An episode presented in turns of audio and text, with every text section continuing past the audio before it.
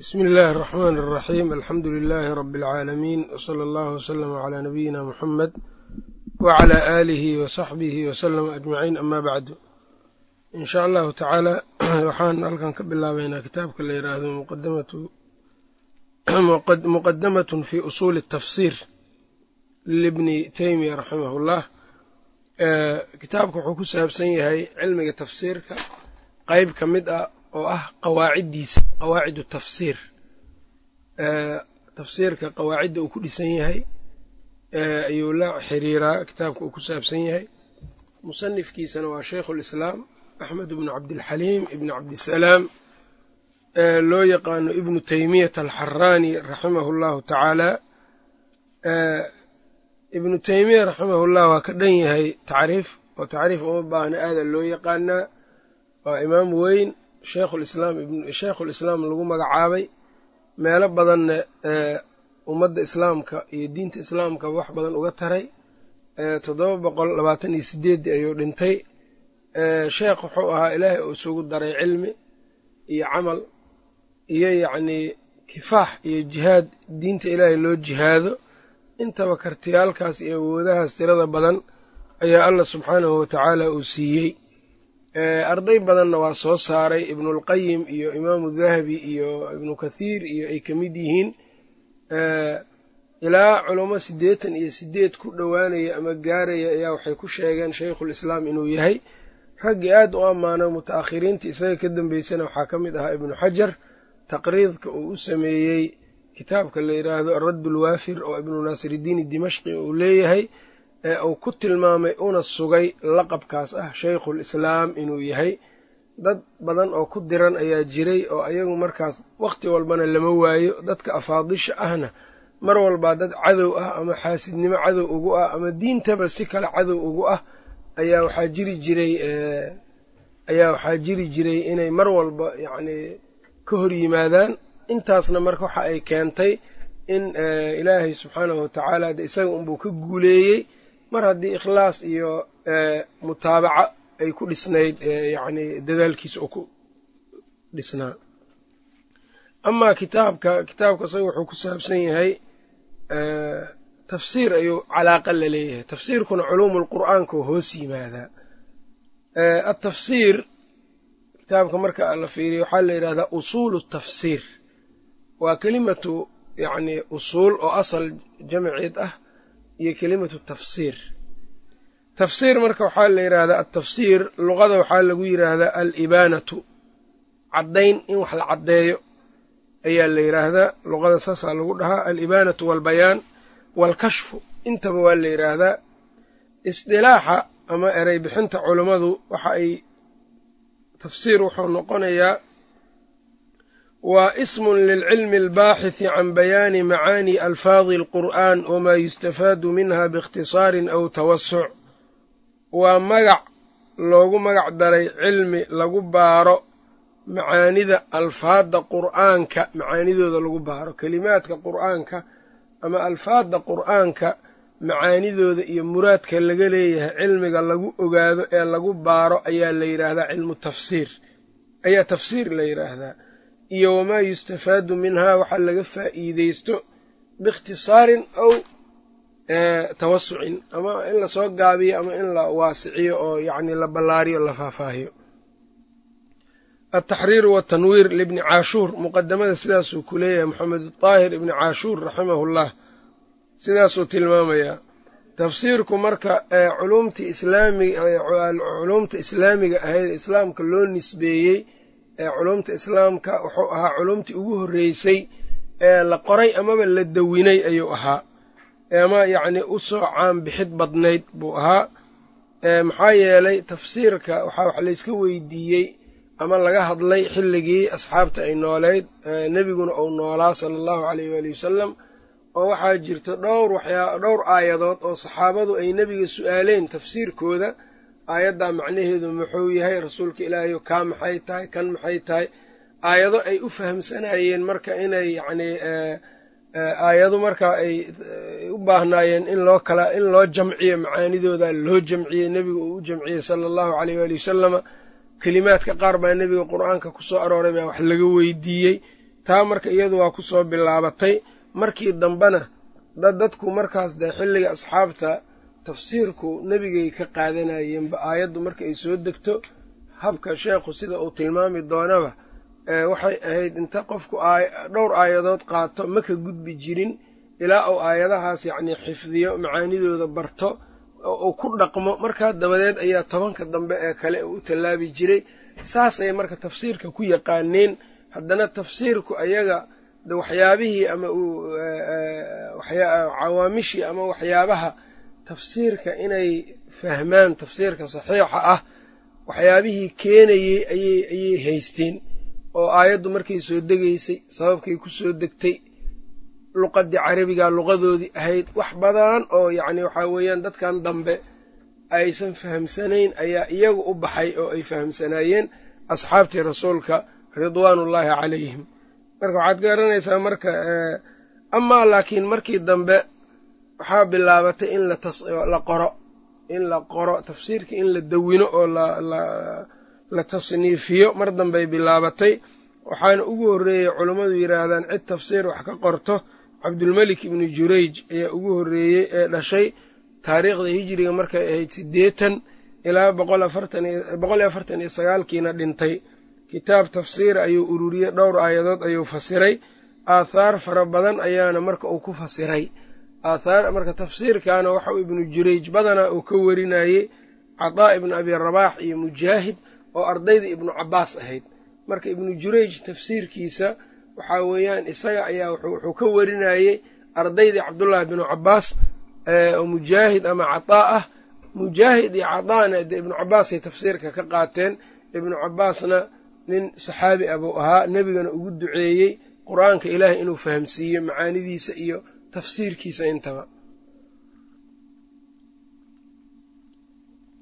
Sidoo kale tafsiirka waxaa wax ka qoray riwaayaad badan oo ibnu cabbaas loo nisbeeyena ay jiraan. Laakiinse waxaa weeyaan maadaama ibnu cabbaas dee nin mufasir weyn oo ahaa caanna ah ayaa dad badan marka wax aanu dhihin ama aanu tafsiir aan saxiix ahayn ee isaga aan ka ansixin ayay ku dhejiyeen. Asaaniid marka waxaa ka timid halkaas daciif ah sida yacnii tafsiirka moxamed ibnu saa'ib alkalbi can abi saalix can ibni cabbaas oo kale abuu saalixaas waa kadaab oo been ayaa laguayaa lagu tuuray oo lagu tuhmay. Riwaayaadka ta ugu daciifsanna weeyaan oo ibnu cabbaas ka yimaado weliba laasiyamaa kuma sii jirta haddana midda moxamed ibnu marwan assuddi can ilkalbiyi marka ay weliba kelbigu marku suddi markuu ka warinayo weliba kuma sii jirto. Oo waxaa la yidhahdaa silsilatu lkadib ayaa la yidhahdaa silsiladaas. Marka calaa kullin tafsiirka waa la qoray. Ibnu jurayj baa ugu horreeyey wax qoro. Asaaniidda ibnu jurayjna ardayda ibnu cabbaasowba isaga ka warinayey gadaal dambe marka waxaa jira tafaasiir ibnu cabbaas loo nisbeeyey oo la qoray. Laakiin sanadkeedu aanu ibnu cabbaas ka sugnaanin sidoo kale marka waxaa jirta iyadana riwaayatu muqaatil iyo riwaayatu daxaak ay ibnu cabbaas ka warinayaan. Marka ibnu cabbaas ardo badan bowlaa isku soo duuduub tafsiirku yacnii wuxuu ku bilowday dee nebigana marka asxaabta asxaabta rasuulka nebiga wixii ka ishkaal gala nebigay su'aalayeen asbaabu nusuulka iyo luqaddii iyo wixii ugu kaalmeynayena waa yaqaaneen.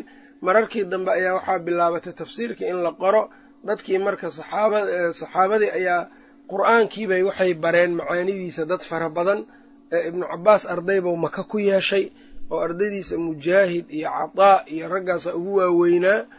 Dhinaca kale ibnu mascuud magaalada kuufa la yidhaahdo wuxuu ku lahaa isaguna arday tafsiirka ka qaadatay calqamo iyo ay ka mid yihiin iyo ninkii la dhihi jiray masruuq iyo masruuq ibnuulajdac iyo raggaasaa isagana wax kaga qaatay meeshaas kuufa la yidhaahdo ibnu cumar dad badan baa tafsiirka ka qaatay uu ka mid yahay zayd ibnu aslam uu ka mid yahay yani imaamu maaligna uu ka qaatay. Marka tafsiirka imaamu maalik badanaa wuxuu ka qaatay zayd ibnu aslam zayd ibnu aslamna ibnu cumar ou ka qaatay. Taasoo kale marka waxaa weeyaan asxaabtii marka ku kala baxday magaalooyinkii adduunka kala galay ayagu nin kastaa wuxuu soo saaray raggii ugu waaweynaa arday tafsiirka isaga ka baratay oo ka qaadatay asaaniiddana marka waxaa weeyaan tafsiirka saxaabadaas ayay gelaysaa. Cabdullaahi binu cabaas marka asaaniidda ka timaado marka la fiiriyo riwaayaadka muqaatil iyo daxaaq iyo cali bnu abi dalxa intaba marka waa ka wariyaan midda ibnu abi dalxana ugu fiican oo imaamu albukhaari markuu mufradaadka fasirayo qur'aanka kitaabkiisa saxiixa kitaabu tafsiir taas ayuu keenaa. Nacam oo can dariiqi cali bn abi dalxa ayuu isticmaalaa. Nacam waxaa iyadana marka loo baahan yahay mufasiriinta laba dariiq ayay qaadaan marka ay wax fasirayaan dariiq waxaa weeyaan waxaa la yidhaahdaa dariiqu alathar dariiqu naqli. Tafsiirkooda waa tafsiir marka manquul ah oo laga soo guurinaayo isnaad bay ku warinayaan ilaa ibnu cabaas ibnu mascuud. Ciddii markaa laga warinayo tafsiirka waa tafsiir athari ah ayaa la yidhahda altafsiiru bilathar weeyaan kaas. Kutubta hadda laga alifay way badan yihiin. Waxaa ka mid a tafsiir cabdirazaaq ibnu hamaam asancaani waxaa ka mid a tafsiir ibni lmundir baa ka mid a tafsiir ibni abi xaatim ayaa ka mid a waxaa ka mid a tafsiiru ibni jariir itabari oo hadda caan ah oo aadna loo ictimaado loona isticmaalo. Ibnu jariir marka waxaad arkaysaa aayadda marka uu fasiro wuxuu leeyahay xadathanii fulaan. Qaala xadathanii fulaan can fulaan can ibni cabaas amase can mujaahid amase can cataa cidda uu tafsiirka raba inuu ka sheego.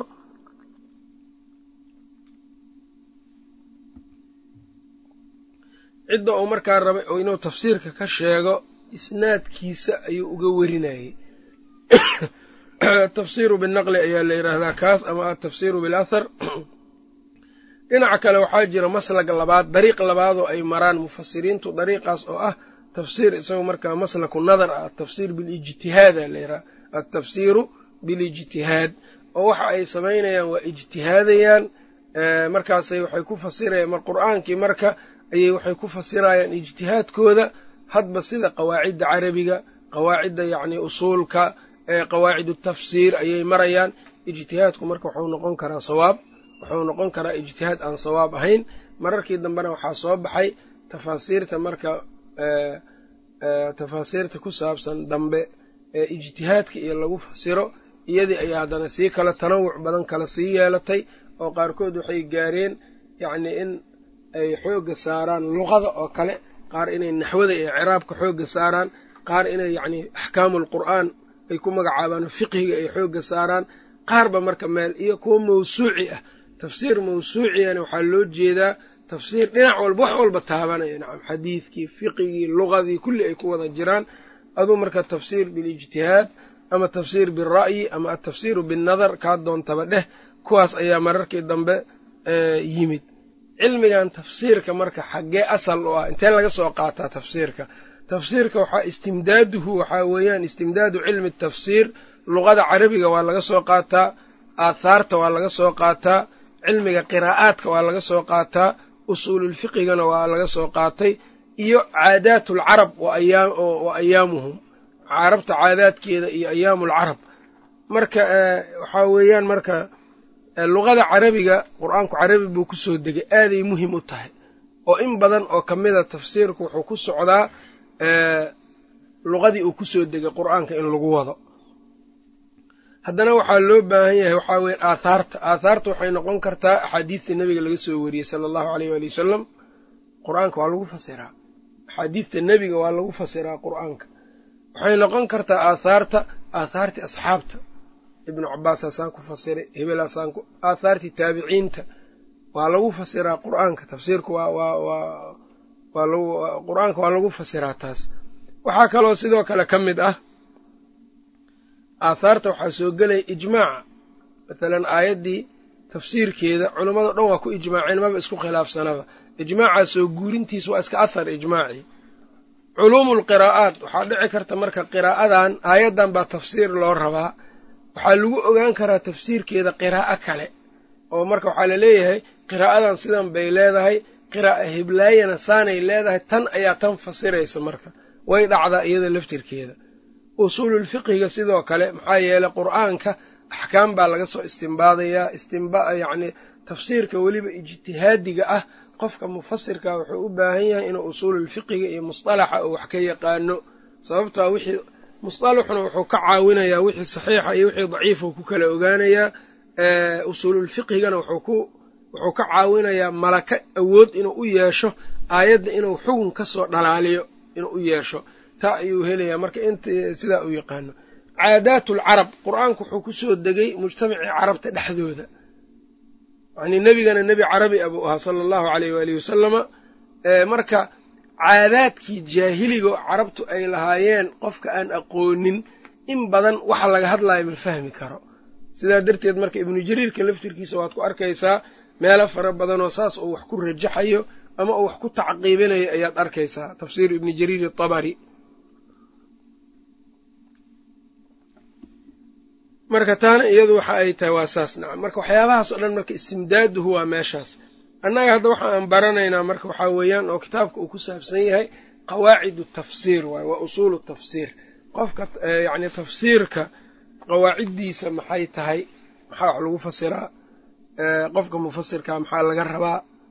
Qofka mufasirka ah shuruudaha laga rabaa waa maxay ee tafsiirkii laftirkiisa habkee wax lagu maxaa qawaacidda la isticmaalaya laga duulayaa maxay tahay? Waxaas oo dhan baa marka kitaabka uu ka warramayaa.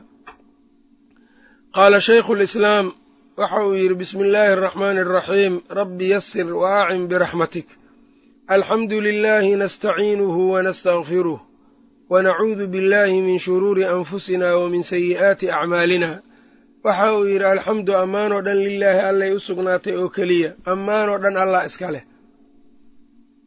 Nastaciinuhu waan kaalmo weydiisanaynaa. Wanastakfiruhu waan dembi dhaaf dalbaynaa waa ka dembi dalbaynaa.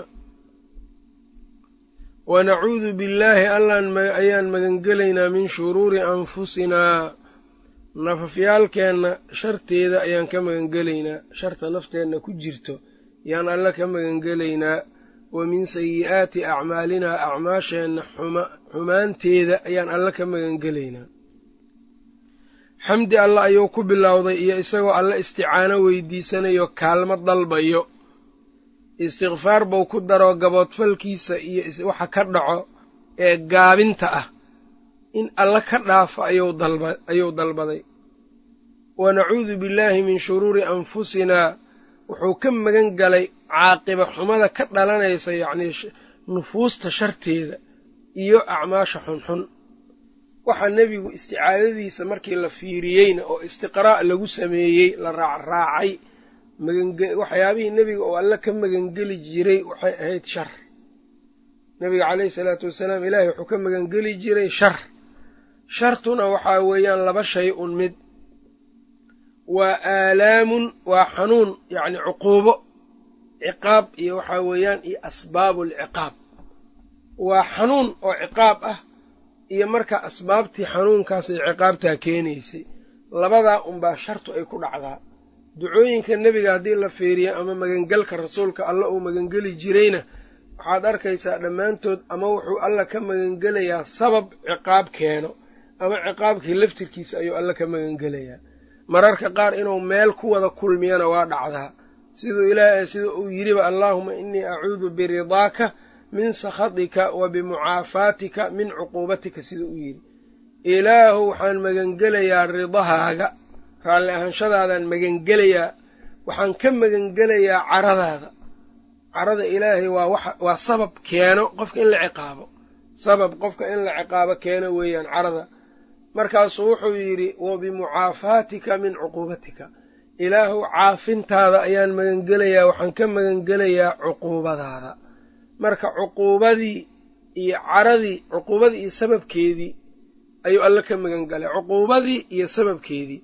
Cuquubadii marka waa maxay? Waa ciqaabkii waxaa weeyaan waa ciqaabkii sababkiina waxaa weeyaan waa caradii alla subxaana wa tacala marka mararka qaar inuu jamciyaa dhici jirtay alimaam ibnu lqayim badaa'icu alfawaa'idka sidaasuu ku tilmaamaa ama tafsiiru almucawidatayn naam. Hadda halkan marka waxaa weeyaan wanacuudu billaahi min shuruuri anfusina wa min sayi'aati acmaalina asbaabtii cuquubada keeni lahayduu ilaahay ka magan galay. Ilaahu sababka cuquubada keenaba ilaahu adaan kaa magan galay waay maxaa yeele camalka xun iyo nafta sharteeda waxay sababaan naar bay sababaan man yahdihi illaahu qofkau alla hanuuniyo falaa mudila lahu wax baadiyeeyaa ma leh oo cid baadiyeyn kartaa ma jirto. Waman yudlil axadka uu baadiyeeyaana falaa haadiya lahu axad hanuuniyaa uma sugnaaninoo ma laha. Hanuunka iyo baadidaba alle xaggiisay ka yimaadaan waxa qofka loo ciqaabaya ama loo jaazaynayana waxa ay tahay ikhtiyaarkii alla uu siiyey oo ku abuuray ee addoonka markaa wax la dirqinaya la qasbaya ma aha. Wa ashhadu waxaan qirayaa an laa ilaaha macbuud xaq lagu caabudaa inuunan jirin ila allaahu alla mooyaane waxdahu xaal uu yahay keligii. Laa shariika ku la wadaagaa lahu isaga uma sugnaanin cibaadada la wadaago. Wa ashhadu waxaan qirayaa anna muxammadan muxamedna cabduhu alla addoonkiisa inuu yahay wa rasuuluhu inuu yahay rasuulkiisa sala allahu calayhi wasalama tasliiman tasliimaa sala allahu calayhi allah ammaano dushiisa. Wasallama allaha nabadgeliya tasliiman nabadgelin. Amaa bacdu intaa kadib. Intaas marka waxay ahayd alla uu soo bisinkii iyo alla ammaaniddii bay ahayd. Qur'aankii buuna ka tusaale qaadanayaa bisin iyo xamdi buu ku bilowday qur'aanka amaa bacdu intaa kadib waxa uu yidhi sababka kitaabka uu u alifhaya ayuu sheegayaayo waxa uu yidhi faqad sa'alanii waxay i su'aaleen. Bacdul ikhwaani walaalaha qaarkood an aktuba lahu inaan u qoro muqadimatan muqadimo inaan u qoro horudhac tatadammanu koobsanayso qawaacida kulliya qawaacid kulli ah oo dhammaystiran. Tuciinu taasoo kaalmaynayso calaa fahmi alqur'aani qur'aanka fahamkiisa qofka ku kaalmaynayso wa macrifati tafsiirihi qur'aanka tafsiirkiisa garashada la gartaahi ku kaalmaynayso. Wa macaaniihi qur'aanka macaanidiisa oo la gartaa ku kaalmaynayso qofka. Iyo watamyiizi ku kaalmaynaysa kala soocitaan fii manquuli daalika kaagaas kiisa la soo guuriyey tafsiirka yacnii kiisa la soo guuriyey wa macquulihi iyo kiisa aan la soo guurina ijtihaadka ku salaysan ee ku dhisan. Ayb. Watamyiizi kala soocid fii manquuli daalika iyo wa macquulihi. Maxaa loo kala soocayaa bayna alxaqi xaq wa anwaaci abaatiili iyo abaadiisha anwaacdeeda xaqiisa iyo abaadiisha in la kala sooco. Wa tanbiihi baraarujin cala daliili lagu baraarujiyo daliilkii alfaasili kala soocayey bayna alaqaawiili wararka aqwaasha kala soocayey fa ina alkutuba maxaa yeeley kutubta almusanafata la sannifee la qoray fi tafsiiri laga sannifay mashxuunatun weeyaan kuwa laga buuxiyey bilgathi wax yacnii aad weyd u ahoo yacnii tabar daran oo daciif ah waasamiini iyo wax yacnii aad u wanaagsan oo yacnii weyn waalbaatili alwaadixi baatil iska cad iyo walxaqi almubiini iyo xaq iyo xaq yacnii cad halkan marka musanifku kitaabka sababkuu ku alifay buu sheegay. Waxa uuna tilmaamay sababka kitaabka uu u alifay inay tahay dalab laga dalbaday iyo su'aal la weydiistay inay tahay.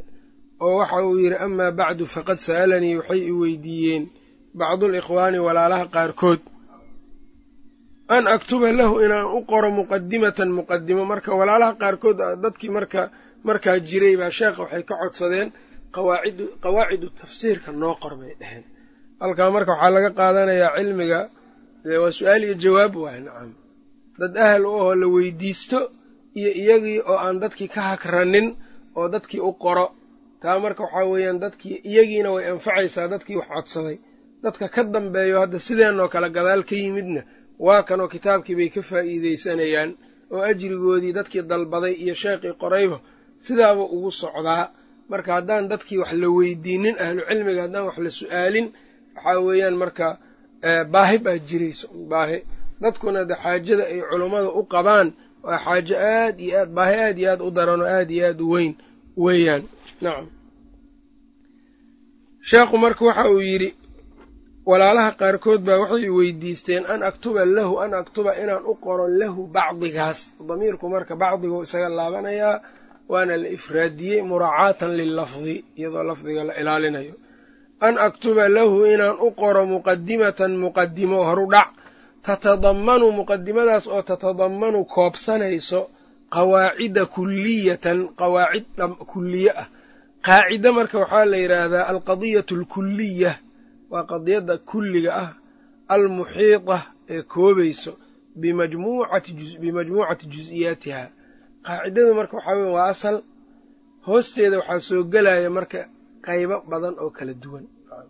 Marka wuxuu ku leeyahay qawaacid baa halka marka kitaabka wuxuu ku saabsan yahay marka qawaacid kulliye ah oo qaacido markuu kuu sheego oo kale qaacidadaa waxaa soo hoosgelayo intaas iyo intaas oo qaybood baa soo hoosgelayso oo iyadu markaa ay ku wada ururayaan dhexdeeda ay ku soo ururayaan.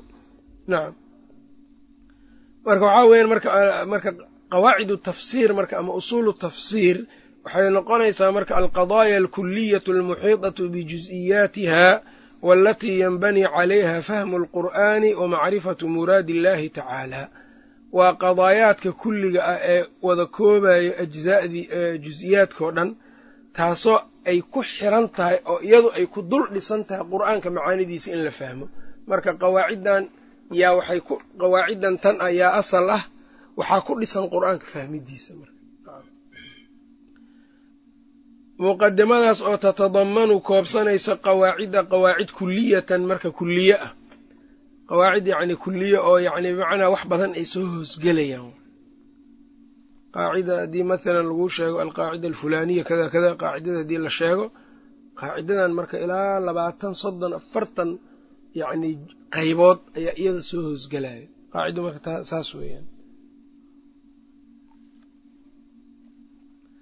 markaasuu wuxuu yidhi muqadamadaas oo ama qawaaciddaas oo tuciinu kaalmaynayso.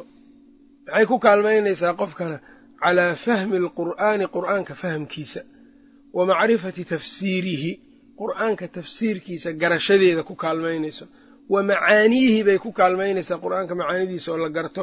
Watamyiizi bay ku kaalmaynaysaa kala soocid. Oo maxaa la kala watamyiizi kala soocid fii manquuli daalika kaagaas la soo sheegay tafsiirka kiisa manquulka ah. Wa macquulihi iyo kiisa macquulka oo yacni culammadu ku ijtihaaday. Maxaa la kala soocaya marka bayna alxaqi iyo wa anwaaci alabaatiili xaqii iyo anwaacu alabaatiil la kala sooco. Halkan marka faqradan sheekhu wuxuu ku tilmaamay tafsiirku inuu laba u qeybsamo manquul iyo macquul. Nacam alcilmu bitafsiir marka waxaa weyn ima an yakuuna naqlan can macsuumin in manquul uu yahay oo tafsiirka manquul marka la leeyahay marka waxaa laga soo naqliyey axad naqligiibaa manquulkiibaa marka wuxuu noqonayaa in laga soo naqliyey axad macsuuma sida nebigoo kale sala allahu aleyh waali wasalam ama qur'aankii laftirkiisaba aayaddanba aayad kale lagu fasirayaa aayadda kaloo lagu fasiraya waa aayad alla ka timid xaggiisa waana oo aan yacni marnaba qalad laga filaynin soo ma garanin. Ama waxaa weeyaan atafsiiru bilmanquul in nebiga laga soo guuriye aayadda tafsiirkeeda.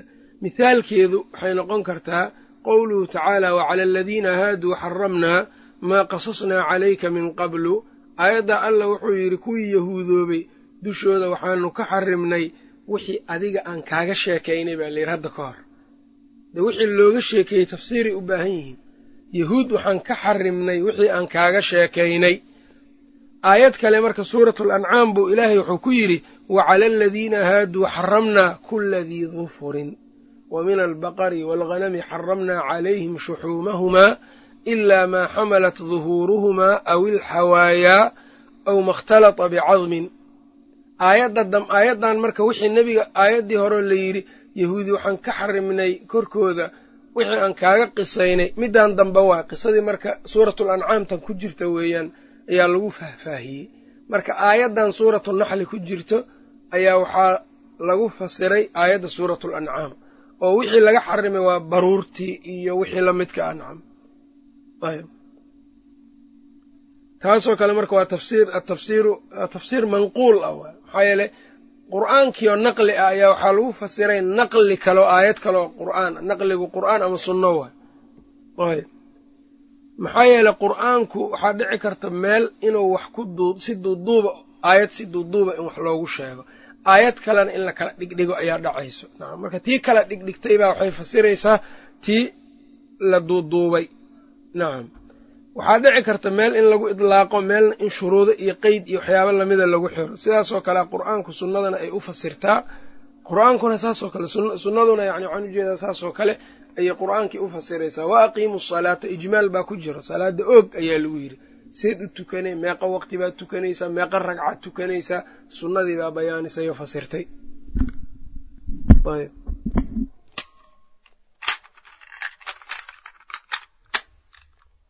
sunnadii baa marka bayaanisay oo aad iyo aad u qaadaa dhigtay oo furfurtay. Sidoo kale ijmaacu asaga laftirkiisa waa naqli naqli macsuuma way marka kuwaas qur'aankii aayad lagu fasiray qur'aankoo sunno saxiixa lagu fasiray ijmaac lagu fasiray. Wax qalada iyo gef kama imaan kara intaas. Waxaa kaloo noqon karaa tafsiirka manquulka laftirkiisa waxaa soo geli karo in laga soo naqliyey saxaabi ama taabici. Kaas marka isaga waxaa weeyaan qad yakuunu sawaaban wa qad yakuunu khata'an. Nacam ayb sheekhu marka marka wuxuu sheegay watamyiizi yani muqadamadaas oo ku kaalmaynayso qofka watamyiizi ay cala tamyiizi ku kaalmaynayso kala soocid fii manquuli daalika kaagaas tafsiirka kiisa la soo naqliyey wa macquulihi iyo midkiisa mustanbadka ee la istimbaadayo culummadu ay caqligooda iyo cilmigooda ku istimbaadeen bayna alxaqi xaq la kala sooco iyo wa anwaaci alabaatiili iyo abaatiisha yani anwaacdeeda ay watamyiizi bayna alxaqi wa anwaaci alabaatiili fii manquuli dalika macquulihi. Watanbiihi iyo baraarujin cala daliili lagu baraarujiyo daliilkii alfaasili kala soocayey bayna alaqaawiili wararka aqaawiisha wararka la soo naqliyey qaala fulaan qaala fulaan qaala fulaan laleeyahy in la kala sooci karo. Maxaa lagu kala sooci karaa? Qawaaciddan baad ku kala sooci kartaa nacam iyo yacni tafaasiirta mustanbadka oo istinbaadka lagu keenay kooda saxiixa iyo midkooda aan saxiixa ahayn iyo kulli muqadamadan baa kaa kaalmaynaysa ku leeyahay. Maxaa yeeley fa ina alkutuba kutubta almusanafata la alifay. Fi tafsiiri tafsiirka laga alifay mashxuunatun weeyaan kuwa laga buuxiyey bilgathi wasamiin bilgathi baa laga buuxiyey wax caato ah. Algathi waa shayga caatada weya wax caato oo weyd ah oo bimacnaa daciif iyo wasamiini iyo wax qaali ahoo yani oo yani weyn oo markaa isagu kii yani saxiix ahaa. Waalbaatili alwaadixi baatil iska cad baa laga buuxiyey waalxaqi almubiini iyo xaq muuqdo intaba. Markaas kadib uu sheekhu waxa uu yidhi waalcilmu cilmigu imaa naqlun musadaqun can macsuumin. Waalcilmu sidiisaba cilmiga. Cilmiga sidiisaba imaa naqlun weeyaan naqli wax soo guurin. Naqligaas oo musadaqun la rumaysto oo saxiix ah can macsuuminna ka ahaaday xaggiisa axad macsuumana laga soo naqliyey. Ayb wa imaa qowlun ama inuu yahay qowl calayhi daliilun daliil dushiisa uu yahay macluumun la garanayo. Wamaa siwaa haadaa wixii kan ka soo haray fa imaa musayafun weeyaan mid musayaf ahoo yacni eber ah. Fa imaa musayafun inuu yahay mid yacnii faalsa ah. Marduudun oo la radiyo inuu yahay nacam.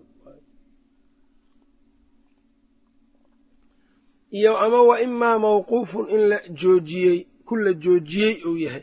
Laa yuclamu aan la garanaynin annahu isagu bahrajun inuu yahay. Wax iska markaa yacni iska dhaldhalaalayoo kale inuu yahay walaa manquudun.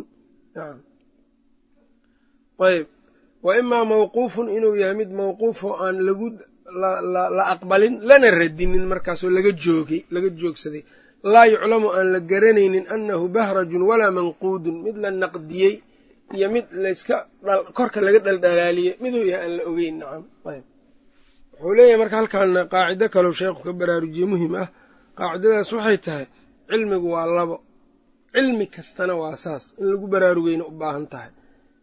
Imaa inuu yahay cilmigu waa naqli musadaq ah yacnii shay baad soo guurisay la rumaysto musadaq wuxuu ka wadaa saxiix ah. Yaa laga soo guuriyey marka can macsuumin macsuum baa laga soo guuriyey axad macsuum ah. Ayaad ka soo guurisay. Saddex waxyaabood unbay marka noqon kartaa saddex waxyaabood ayuu noqon karaa naqliga macsuumka ah. Inaad alle ka soo guurisay aayad qur'aan baad soo guurisay xadiid nebi ayaad keentay oo saxiix ah. Bukhaari ku sugan ama muslim ku sugan ama kutubta kale ku suganoo laakiin saxiix ah. Nebigaad ka soo guurisay nebigu waa macsuum ma gefaayo. Soo ma garan oo ku gefi yacni shareecada yacnii loo soo dhiibay nebiga caleyhi salaatu wassalaam dee wixiisu waxaa weeye waxa uu shareecada ka sheego o dhan waa wada xaq.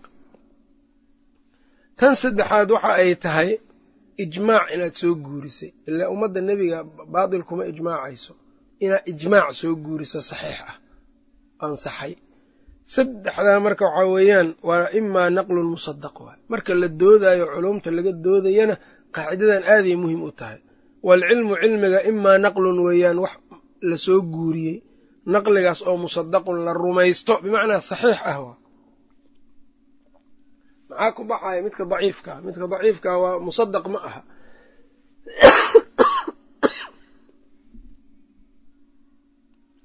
musadaqun la rumaysto can macsuumin laga soo guuriye wa imaa qowlun calayhi daliilun macluum. Amase qeybta labaad ee cilmiga waxaa weeyaan waa qowl daliil ku taagan. Qowl yacni waxaa weeyaan imaam baa ijtihaaday qur'aanka iyo sunnadiibuu eegay xukunka xukun buu ka soo bixiyey. Markaasuu wuxuu ku yidhi waxaan waa waajib shaygan waa xaaraam. Shaygan waa xaaraam marka uu leeyahayna adilow keeni karaa marka oo daliilo u haystaa daliil ayuu u haystaa daliilkaasuu ka istimbaaday qawaaciddii sharcigoona isagoo raacayo ayuu istimbaaday kaasna waa la aqbalayaa kaana waa la aqbalayaa marar kale sheikhulislaam ibnu teymiya si kale u sheegayo wuxuu yidhahda alcilmu imaa imaa nasun musadaq nas musadaq oo la rumaysto saxiixa inuu yahay wa imaa baxthun muxaqaq ama inuu yahay baxhi muxaqaq ah. Mararka qaar waxaa dhici karta qofka inuu aayad kuu keeno xadiid inuu kuu keenaa dhici karto laakiinse habka uu u deliishanayo iyo baxhigiisa usuuli yacnii qawaacidda uu raacayo inay ka qaldan taha laga yaabaa aayaddu ma qaldana laakiin isaga habka u deliishanaya qaldan. Mararka qaarna waxaa dhici karto inuu wax deliisho xugun uu sheego. Deliilkaagu waa maxay? Marka la yidhaahdana inuu sheego deliil daciif ah. Xadiid mawduuca ama xadiid daciifa buu sheegay. Kaasoo kale marka waxaa la leeyahay imaa waxaa kaa dhiman nasun musadaq mahay sida iska tagaa la leeyahay mararka qaarna waxaa dhici karta nas musadaqa buu haayaa laakiin isaga ayaa habka u deliishaday ay qaldan tahay. Baxhigaagu muxaqaq ma ahan ayaa la leeyahay marka daalib cilmiga waa inuu taas aad u fahamsan yahay. Wamaa siwaa daalika? Wixii intaa ka soo haray oo aan nas musadaqa aan ahayn. Baxhi muxaqaqa aan lahayn wixii intaa ka soo haray. Fa imaa musayafun marduudun. Mid musayaf musayaf waa shayga yacnii faalsada ee aan sax ahayn. Inuu baatil yahay. Marduudun la radiyo oo la yidhaha waxaan waa baatil saa isaa baatil ku tahay waana marduud.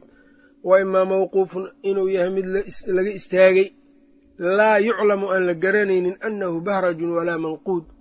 Aan la garanayn waxaanu inay yihiin wax layska qurxiyey iyo inay yacni shay manquudoo la naqdiyey inay yihiin oo la naqdi lagu sameeyey. Intaba aan la ogeyn. Kaasna isaguna waxaa weyan min xaqihi in laga istaago weeyaan ayb marka daliilka macluumkaad waxaa weeyaan ijtihaadkii iyo wixii markaa labadaa qolo labadaas taasuu marka u kala nacam wixii marka aan naqli macsuum xaggiisa ama alla ya rasuul waxaan ka imaanin xaggooda amase daliil xaqa aan ku dhisnayn oo baxhigu ounan toosnayn laysa min alcilmi qeybtan saddexaad cilmiga ka mid ma aha marka nacam taasaa marka halkaa uu ku tilmaamay. Kadib uu marka sheekhu waxa uu yidhi waxaajatu lummati ummadda baahideeda.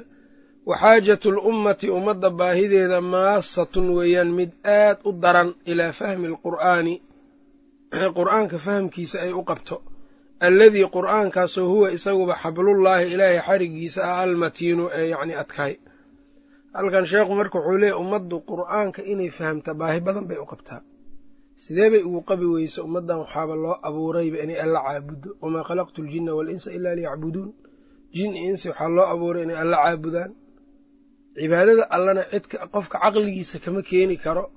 Waxaa alla ku caabudaysaa bimaa sharac. Islaamku labada qaacido uu ku dhisan yahay weeyaan. An laa yucbada ila allah allah mooyaane inaan cid kale la caabudin. Wa an laa yucbada ilaa bimaa sharac inaan lagu caabudin alleh ilaa wuxuu jideeyey mooyaane wax kale aan lagu caabudin. Dadku marka waxaa weeyaan caqligooda keliya looma wakiilanin sidaa darteed marka alle haddaan la caabudi karin ilaa wuxuu jideeyey un in lagu caabudo mooyaane hadde wixii uu jideeyey xaggay ku yaallaan qur'aankii bay ku yaallaan qur'aankii qur'aankii baa waxaa ku yaallo sida alla uu rabo in loo caabudo sunnadii nebigana sala allahu caleyh waali wasalamna sidoo kale u sii caddaynaysaayo ilaahay waxa uu yidhi waanzalnaa ilayka adikra litubayina linnaasi maa nuzila ilayhim. Qur'aankii baan waxyigan kugu soo dejinnay si aad dadka ugu caddayso wixii loo soo dejiyey. Marka ilaahayna subxaanahu watacaala qur'aankuu noogu caddeeyey nebigana sunnadiisuu noogu sii bayaaniyey muraadka alla oo qur'aanka ka leeyahay sidaa darteed marka xaajadaas aadka baahi badan baa marka qur'aanka iyo dadkii ay u qabaan marka qur'aanka inay fahmaan. Tan kale sideebay baahi ugu qabi waayeen? Waa waxaa ku sugan laabtooda wixii daawada u ahay weeyaan qur'aanka. Yaa ayuha annaasu qad jaa'atkum mawcidatun min rabbikum wa shifaaءun lima fi suduur. Qur'aanku waxaa lagu tilmaamay inuu daawo u yahay laabaha xabadka waxa ku jiro ee shaki iyo shubha iyo waxaasoo dhan ah qofku marka ma daawoobi karo mana degi karo ilaa uu qur'aanka ka fahmo. Ulajeedooyinka alla uu qur'aan kutubtiisa u soo dejiyeyna waa in lagu tadabburo kutubta waa in macaanidooda la fahmo. Siduu alla uu yidhi kitaabun anzalnaahu ilayka mubaarakun liyadabbaruu aayaatihi. Waxaa loo soo dejiyey in aayaadka lagu tadabburo waay aayaadka ma lagu tadabburi karo haddaan la fahminba marka fahamku waa aas-aasi muqadamada sheekhu ou kitaabkan ku wadaana waxaa weeyaan fahamkii bay ka kaalmaynaysaa qur'aankii. Marka waxaan sidaas isugu xiran yihiin.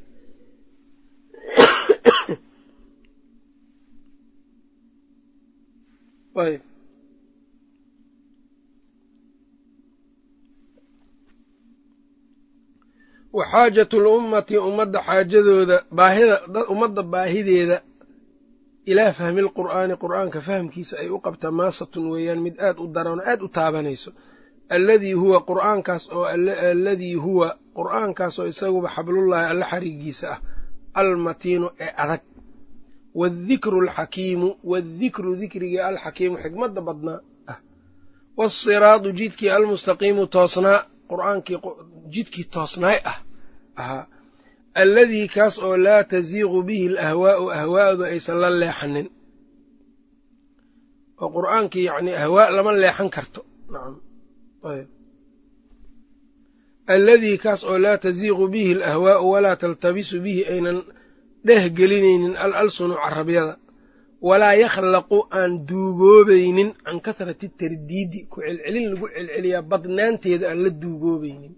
Oo qur'aankii marka qofka fahamka u leh kulamaa uu akhriyo marnaba yacnii hal milyanoo jeerna hadduu akhriyo duug ma noqonayo nacam. Waa u cusub yahay qofka tadabburka ku akhrinayo fahamsan qur'aanka. Walidaalika imaamu shaafici baa waxaa laga sheegay inuu ijmaaci ijmaacu inuu yani ijmaacu alculamaa masalada culamada ku ijmaacaan inay xujo tahay. Ijmaacu inuu xujo yahay yaa daliil uu u raadiyey qur'aanka uga raadiyey.